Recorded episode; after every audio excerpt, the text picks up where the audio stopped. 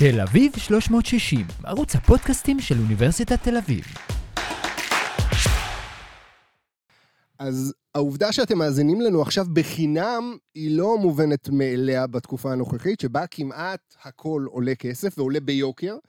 אז ליוקר המחיה בישראל יש כמובן גם uh, השפעות גלובליות, אבל העובדה שמילקי, קוטג' ובעיקר דירות עולות כאן יותר, קשורה בעיקר אלינו ולמדיניות הכלכלית שמונהגת כאן.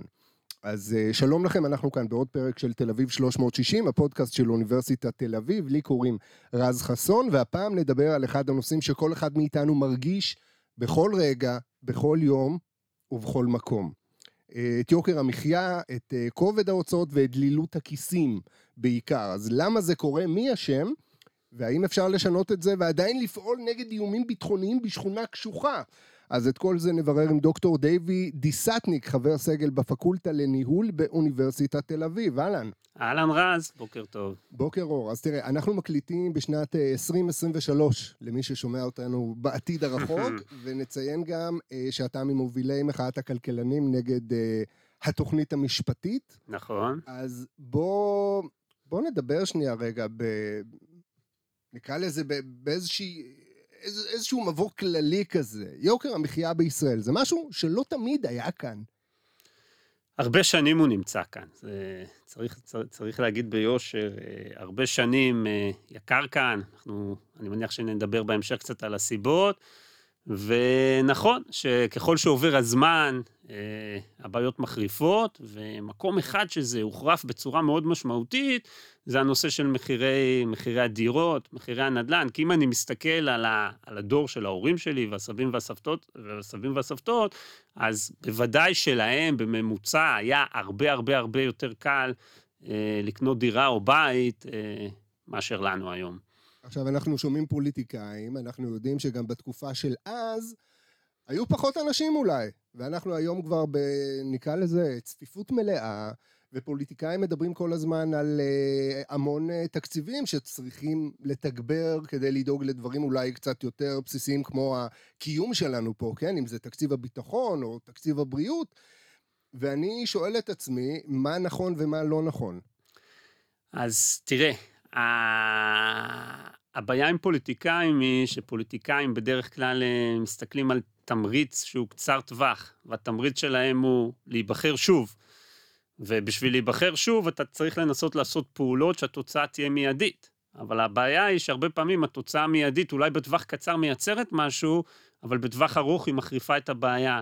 והנושא של מחירי הדיור זה בעיה שצריך לנקוט פעולות לטווח ארוך, וכנ"ל גם יתר המרכיבים של יוקר המחיה, והפוליטיקאים שלנו אצה לנו הדרך, ובתחום של אה, מחירי הנדל"ן ראינו דוגמה מצוינת, כן, תוכנית מחיר למשתכן למשל, שהתחיל אותה כחלון כשהיה שר אוצר, זו תוכנית שבאמת ב-2017-2018, כשהיה השיא של ההגרלות, היא עצרה ואפילו הורידה אה, זמנית את מחירי הדיור, אבל כל כלכלן הבין שבטווח הארוך התוכנית הזאת לא יכולה לעזור למחירי הדיור, וכמובן, כולנו יודעים, אה, כולנו יודעים מה התוצאה. עברנו את 2017-2018, ומחירי הדירות חזרו לעלות ובגדול, וזו הבעיה המרכזית. אני חוזר שוב, הפוליטיקאים עם אופק קצר, הם רוצים להיבחר שוב. הבעיות האלה של יוקר מחיה זה בעיות מבניות, זה בעיות עמוקות, זה בעיות שהפתרונות שלהם הם ארוכי טווח, ויכול מאוד, ויכול מאוד להיות שהפוליטיקאי שינסה להתחיל לטפל בבעיה, לא יזכה בפירות של הפתרון 15 ו-20 שנה כל אחרי. כל מה שחשוב זה כמובן קרדיט, כי אחרת למה לטרוח. בוודאי, אז, בוודאי. אז בעצם אתה אומר שכל המהלכים שבוצעו עד היום בנושא הזה, בשנים האחרונות, הם פלסטרים כאלה שלא באמת אה, מטפלים בשורש העניין. תראה, מחירי הנדל"ן, הביקוש כאן לדיור הוא גדול בהרבה אה, מהיצע הדירות. בשביל לפתור את הבעיה הזאת צריך לבנות מהר וצריך לבנות הרבה. וצריך לבנות לא רק במרכז, צריך לבנות גם רחוק, מחוץ למרכז. אבל כשאתה בונה מחוץ למרכז, אתה צריך גם לבנות תשתיות, כן? אתה לא יכול לבנות דירה בלי שהתשתיות התחבורתיות מסודרות. אתה לא יכול לבנות דירות רחוק בלי שתשתיות תעסוקתיות אה, מסודרות. וזה דבר שהוא מאוד מאוד מורכב. אז כן, אז לצערי, רוב הצעדים שאנחנו ראינו בשנים האחרונות היו פלסטרים. כן, התחילו, שנה שעברה היה איזשהו אה, שיא בהתחלות בנייה, אה, בשנים האחרונות, אבל צריך רצף, צריך כמה שנים טובות שמרוכזים בזה, מפוקסים בזה, ולצערי, אנחנו רואים מה קורה בימים אלו במדינה, ויש תחושה שהממשלה לא מפוקסת בדבר הזה, היא מפוקסת בדבר אחר שלא מקל על הבעיה הזאת. אז בוא נגיד, אני לא כלכלן גדול, וגם אני יודע שאם יש אה, יותר מדי ביקוש ופחות מדי היצע, כדי לפתור את זה אתה צריך להגדיל פשוט את ההיצע, זה איזשהו חלק חיוני בתהליך נכון הזה. מאוד, נכון אז, מאוד. אז בוא נדבר באמת על הסיבות, כולן, למה? למה יוקר המחיה בישראל טיפס למקומות ולגבהים שהוא uh, הגיע אליהם, לא רק בעניין של דיור, למרות שדיור זה הדבר אולי הכי אקוטי שמעסיק את רובנו, אבל באמת, בסופר, סלי הקניות, מעולה. מעולה. אז נעבור את הדיור. בדיור הבנו, האוכלוסייה גדלה יותר מהר מהגידול אה, בהיצע הדירות. בסופר ובדברים האחרים יש כאן שלל בעיות. אה, בעיה אחת שנוטים לשכוח אותה זה נושא הכשרות, אוקיי? הכשרות הייתה עבודה אה, לא מזמן שערכו על משק החלב והראו שנושא הכשרות מעלה את המחירים במשק החלב בסדר גודל של 10%. בעיה אחרת שלא מרבים לדבר עליה זה הנושא של פריקה של מטענים אה, בנמלים, כן? אה, אתה רוצה שמגיעה אונייה לנמל, יפרקו את הסחורה מה, מהאונייה כמה שיותר מהר. אתה מסתכל על המדדים של הנמלים שלנו, אנחנו לא נמצאים במקום מספיק גבוה במהירות הפריקה. אה, נמל חיפה השתפר, כן? החליף ידיים, ובמדידה האחרונה הוא עלה בדירוג, עדיין יכול לעלות יותר, אבל נמל אשדוד משתרך אה, מאחור. בעיה נוספת זה נושא של ריכוזיות, בפרט אם אנחנו מסתכלים, אה, אנחנו מסתכלים על אה, שוק המזון.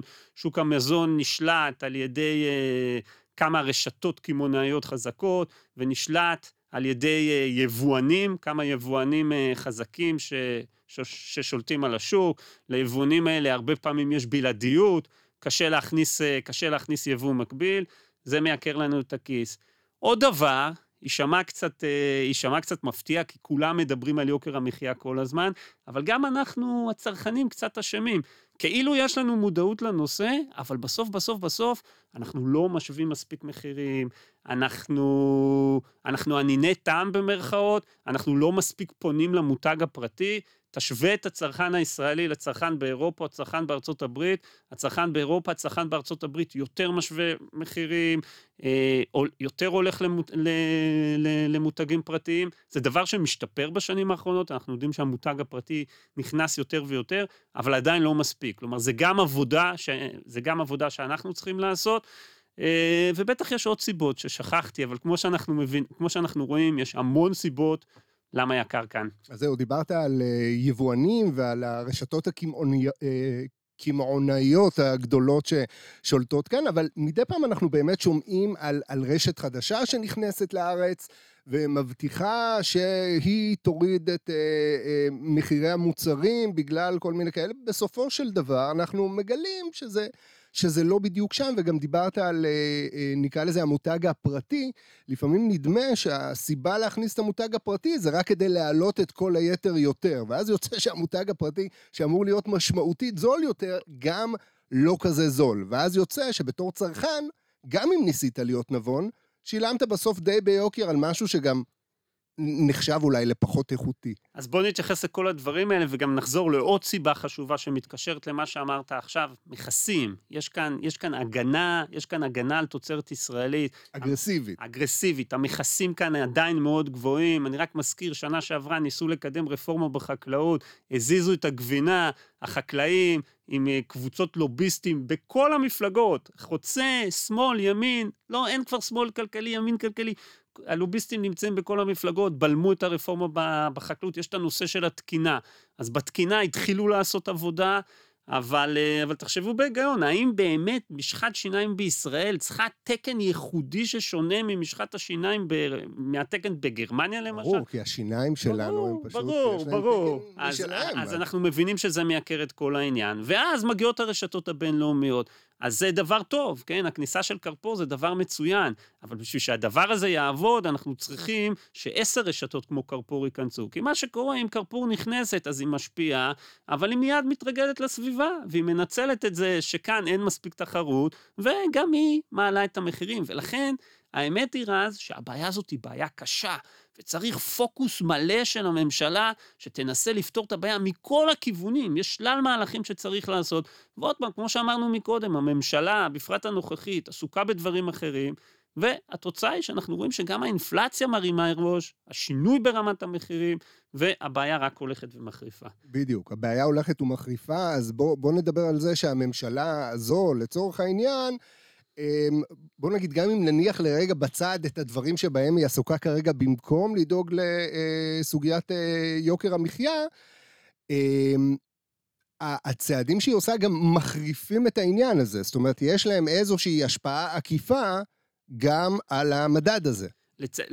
לצערי אתה צודק, רז, כי אם אנחנו מסתכלים על אינפלציה, ואינפלציה זה שינוי במחירים, כן? אה, יוקר המחיה זה בעצם מתייחס לרמת המחירים. אבל ככל שהאינפלציה יותר גדולה, זה אומר שהמחירים, רמת המחירים משתנה יותר, כן? וככל שרמת המחירים משתנה יותר, הבעיה מחריפה. עכשיו, משהו שמשפיע על האינפלציה זה שער הדולר. למה? כי הרבה מוצרים מייבאים, כן? אז ברגע ששער הדולר עולה, המוצרים האלה מתייקרים לצרכן הישראלי, כן?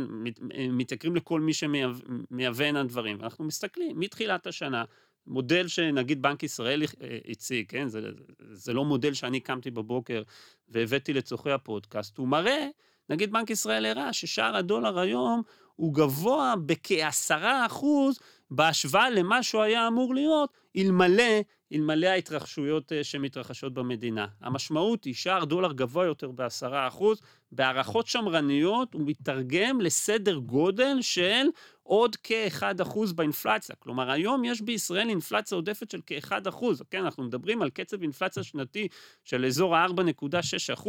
אחוז מתוך 4.6% זה המון, אוקיי? אז א', אנחנו מרגישים את זה בצורה ישירה ב... בסופרמרקט, אנחנו רואים שהמוצרים מתייקרים לא רק בסופרמרקט, במסעדות, בכל אספקט כמעט של החיים שלנו, אבל דבר שני, מה הדרך של, אה, מה הדרך של נגיד בנק ישראל, מה בעצם הדרך היחידה להתמודד עם בעיות של אינפלציה?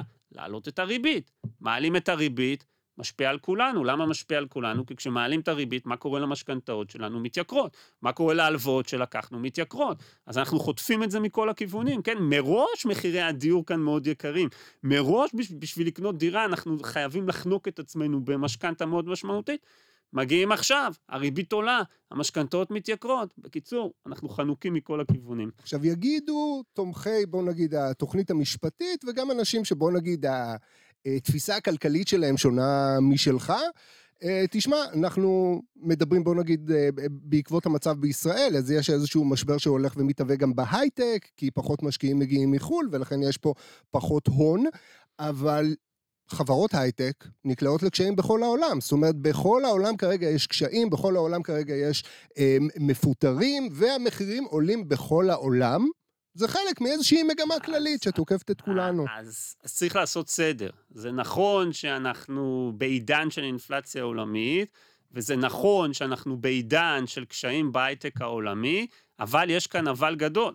אנחנו רואים, אם מסתכלים על הנתונים, ברבעון השני התחילה התאוששות בהייטק העולמי, אנחנו לא רואים את, את ההתאוששות הזאת בהייטק הישראלי, ובנוסף, אם אני הולך שנה אחורה ומשווה את נתוני האינפלציה שהיו בישראל לעומת ארצות הברית ואירופה, אנחנו היינו במצב הרבה יותר טוב מאשר היום. היום האינפלציה בישראל גבוהה יותר מהאינפלציה בארצות הברית. האינפלציה בישראל היום היא, כמו שאמרנו מקודם, היא סדר גודל של 4.6% בשנה, האינפלציה בארצות הברית ירדה ל-4%.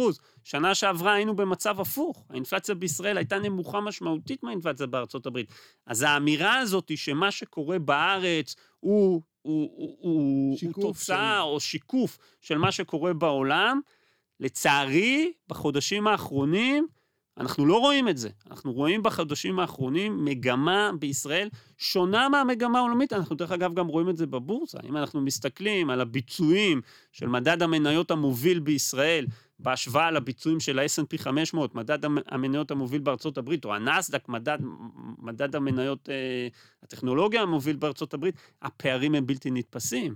אנחנו, בישראל אנחנו ב, בסדר גודל של ביצועי חסר של בין 20 ל-30 אחוז בהשוואה למדדים האלה. זה מטורף לגמרי. אז אני חוזר איתך רגע לעניין הצרכנות הנבונה והצרכנים הישראלים, שבוא נגיד לא תמיד אה, אולי מאמצים את העניין הזה של, אה, אה, נקרא לזה להיות צרכן נבון במובנים האלה של חיסכון ובדיקה והשוואה. ויש שיאמרו, תקשיב, הנגיד אה, היה צריך, הוא בעצם נאלץ להעלות את הריבית כבר פעם עשירית, אם אני לא טועה, רק בגלל שהציבור בישראל לא מבין עניין. כלומר, הוא מעלה את הריבית כדי שהציבור יבין את המצב ויוציא פחות, אבל אנשים ממשיכים להוציא את אותם הסכומים פחות או יותר, גם אם אין להם. אז אני, אני לא אוהב uh, שנעביר את כל נטל האשמה לצרכנים. אני משתעשע לא. רגע ב- כן, ב- בעניין אז, הזה. אז, אז, אז, אז אני מעדיף פחות להשתעשע בדבר הזה. אני אומר, אני חוזר על מה שאמרתי מקודם, יש כאן מודעות, אפילו שאנחנו כל הזמן מדברים על יוקר המחיה, אני חושב שהצרכן הישראלי לא עושה מספיק בתחום של להשוות מחירים, בתחום של מותגים פרטיים, אבל... מכאן ולהטיל אבל, את זה עליו? כן, אבל הלוואי שזאת הייתה הבעיה כן. העיקרית, כן? כי אם זאת הייתה הבעיה העיקרית, היינו פותרים את זה כמו שאסור לקטוף פרחים ולא לבזבז מים, כל מיני קמפיינים שעשו כאן. הבעיה, כמו שאמרתי, היא הרבה הרבה יותר עמוקה, כי היא תוקפת אותנו מהרבה כיוונים, וצריך ממשלה מתפקדת שעסוקה בדבר הזה, וגם מבינה שהקרדיט על הפעולות רובו יגיע שהאנשים הרלוונטיים, לא רק שלא יהיו ליד שולחן הממשלה, גם כנראה, גם כנראה כבר לא יהיו uh, בפוליטיקה. וזאת הבעיה המרכזית. טוב, בואו נראה מתי נקבל נבחרי ציבור כאלה, שיהיו מוכנים לקחת את הסיכון הזה. אז בואו נהיה רגע פוליטיקאים במובן הלא פוליטי, אלא באמת אה, אנשים שמקבלים החלטות או קובעים מדיניות רגע בעצמנו. אפשר לפתור את הדבר הזה מחר? זאת אומרת, להתחיל, הכוונה את הפתרון הזה מחר, אם כן, כן. מה צריך לעשות? מה האלף בית של הדבר הזה? חד משמעית. אז בכל הכוח אה, להוריד כאן מכסים. אין סיבה, אין סיבה, ש... אין סיבה שהמכסים, שהיבוא יהיה כל כך יקר בישראל. בכל הכוח, והתחילו עם זה, להפסיק עם התקינה ה... הייחודית לישראל. זה צריך להיות מקרים יוצאי דופן. אתה צריך באמת משהו שבסביבה בישראל הוא שונה בצורה מובהקת מכל מקום אחר בעולם. מה יעשו עם כל המכונים אבל שנותנים תקינה? מי יעבוד שם? אז בדיוק, זה חלק מהעניין. יש לך כל מיני קבוצות לחץ, יש לך לוביסטים, צריך, צריך להשתחרר מהדברים האלה. אז זה צעדים שחייבים לעשות אותם. במקביל, לחזק מאוד את הנושא של היבוא המקביל. למצוא את הדרכים, להכניס הנה עוד ועוד יבואנים. למנוע, לנסות למנוע, זה לא תמיד פשוט, לנסות למנוע כל מיני הסדרים שיש בין, ה, בין, בין היבואנים החזקים שכרגע קיימים ליצרנים בעולם, בין היבואנים החזקים לקמעונאים. אה, זה, זה צעדים שצריך להתחיל באופן מיידי. רפורמה בחקלאות, לקדם אותה. משק החלב, אנחנו כרגע המדינה היחידה ב-OECD לדעתי, שעדיין יש בה תכנון מרכזי במשק החלב, כן? יש, תחשבו, תכנון מרכזי זה מילים של... מה הכוונה תכנון מרכזי? זה מילים של ברית המועצות הסובייטית. קובעים מה המכסות של החלב שמייצרים, ו- ומזה מגלגלים את כל הדברים. זה המשמעות, זה, זה, זה, זה ברית המועצות הסובייטית. עכשיו, כתוצאה מזה, אנחנו רואים מה קורה למחירים. אנחנו רואים שיש מחסור, כן? אה, צריך להפסיק את הדבר הזה. בכל ה-OECD הפסיקו עם תכנון, עם תכנון משק החלב. האמירה הזאת של חקלאות ישראלית וביטחון תזונתי, הרי באמירה הזאת זה ספין, כי את הגרעינים של התרנגולות והפרות, אני לא יודע אם פרות אוכלות גרעינים, אז לא פרות, אז התרנגולים. הגרעינים שמביאים לתרנגולות, הגרעינים מייבאים אותם מארצ... מ... מאירופה, כן? רוב, רוב חומרי הגלם של תעשיית החקלאות הישראלית היא מיובאת מחו"ל. אז איזה ביטחון, אז איזה ביטחון, אה, איזה ביטחון של מזון יש לנו בישראל? ברגע שאת, ה, שאת חומרי הגלם אתה מייבא, אז זה גם יכול להיתקע. את האננס, אתה מייבא את הפועל מתאילנד שמגדל את האננס, אבל את האננס עצמו אתה לא יכול לייבא בגלל אה, מכס מטורף. אז כן, צריך לעשות את הדברים האלה, וזה לא פשוט, כי יש קבוצות לחץ, וצריך לפתור דברים. כן, אני לא אומר, יש כבר חקלאים, אתה לא רוצה במכה אחת לפרק, אה, לפרק אה, אנשים ש, שזו הפרנסה שלהם, אז אתה צריך לזהות איפה היתרונות היחסיים שלך. אתה צריך כן לתת מענקים לחקלאים, כן אה, כן, אה, כן לסייע בתקופת המעבר למי שנקלע בתקופת המעבר, אבל בעיקר צריך פוקוס לדבר הזה, צריך באמת קבינט שעסוק בדבר הזה. אה, התכנס כאן הקבינט אה, לנושא יוקר המחיה, התכנס כל כך מעט פעמים, ובפעם הראשונה שהוא התכנס התעסקו בעבודות, בעבודות הרכבת בשבת, כן? שזאת בעיית יוקר המחיה שלנו, אם הרכבת עובדת בשבת או לא. אז כן, זה המצב. אז עד עכשיו דיברנו באמת על איך אפשר אולי לתקן את זה בטווח הרחוק. בואו נהיה קצת יותר קודרים, איך אפשר לדרדר את זה. כלומר, אם אנחנו ממשיכים, אה, אם ממשלת ישראל ממשיכה בקו שהיא, שהיא מתמידה בו, עושה רושם, אז, אז ל- אני חושב, אני חושב בואו שהיא- נתנבא רגע, לאן אני- אפשר עוד אני- להגיע? אני חושב שהיא מדרדרת את זה מצוין, הם לא צריכים עזרה ממני באיך לדרדר את זה. מה שהם עושים עכשיו, מדרדר את זה, ועוד פעם, גילוי נאות, אני ממובילי מחאת הכלכלנים. לא, אבל אנחנו מדברים כרגע באמת אובייקטיבית ברמה באמת של ניתוח נתונים. כן, לא, אבל... אתה רואה את המגמה, לא, ה disclaimer הוא, התזכורת הזו היא חשובה, אבל בואו נדבר רגע מבחינת הנתונים עצמם. זאת אומרת, אם אנחנו מסתכלים על המגמה, בואו נתנבא רגע לאן היא עוד יכולה להגיע. נתונים, אם, אם, אם, אם התוכנית המשפטית תתקדם, עם מה שמכנים אותו שיטת הסלאמי, ואנחנו נראה עוד ועוד חוקים בצנרת, שער הדולר ימשיך לעלות, שער הדולר ימשיך לעלות, כמו שאמרנו מקודם, התמסורת, המעבר לאינפלציה, האינפלציה, האינפלציה, אה, האינפלציה, האינפלציה תגדל, אה, תמשיך, תמשיך לעלות. חברות ההייטק, הקטר הכלכלי שלנו, חברות ההייטק קל להם לה- לעזוב, זה לא איזה תעשייה, אתה אומר, לא יודע, נניח גרמניה, תעשייה מסורתית, מפעל צינורות נמצא בגרמניה, מה הוא יכול לעשות? הוא לא יכול לעבור אה, למקום אחר, כן? אבל מה זה הייטק? הייטק זה חבר'ה שיושבים ברמת החייל עם לפטופים, היום הם יושבים ברמת החייל, מחר הם יושבים אה, במנהטן, כן? אנחנו, אנחנו נראה בריחת מוחות, כל הדברים האלה... מחלישים את הכלכלה, זה אין, אה, אין ספק, בשביל זה יש קונצנזוס של כלכלנים כמעט מלא, מימין ומשמאל, שאומרים את הדבר הזה. התוכנית המשפטית מעלה חששות כבדים לכלכלת ישראל. צריך לגנוז אותה. טוב, מצד אחד נתת לנו אופטימיות שיש איך לתקן את זה, אבל אה, אי אפשר בלי העניין הפסימי שאנחנו רואים אה, לעניין הזה, לאן העניין הזה מתקדם. אה, בוא, בוא נקווה שנעשה, לא יודע, פודקאסט נוסף בעוד שנה, ואתה תזרח פה מ- מאופטימיות. אני אשמח, אני הלוואי. אשמח, אני אשמח. תודה רז. תודה לך, אה, דוקטור אה, דיוויד דיסטניק, חבר סגל בפקולטה לניהול באוניברסיטת תל אביב. תודה שוב. תודה, תודה. תל אביב 360, ערוץ הפודקאסטים של אוניברסיטת תל אביב.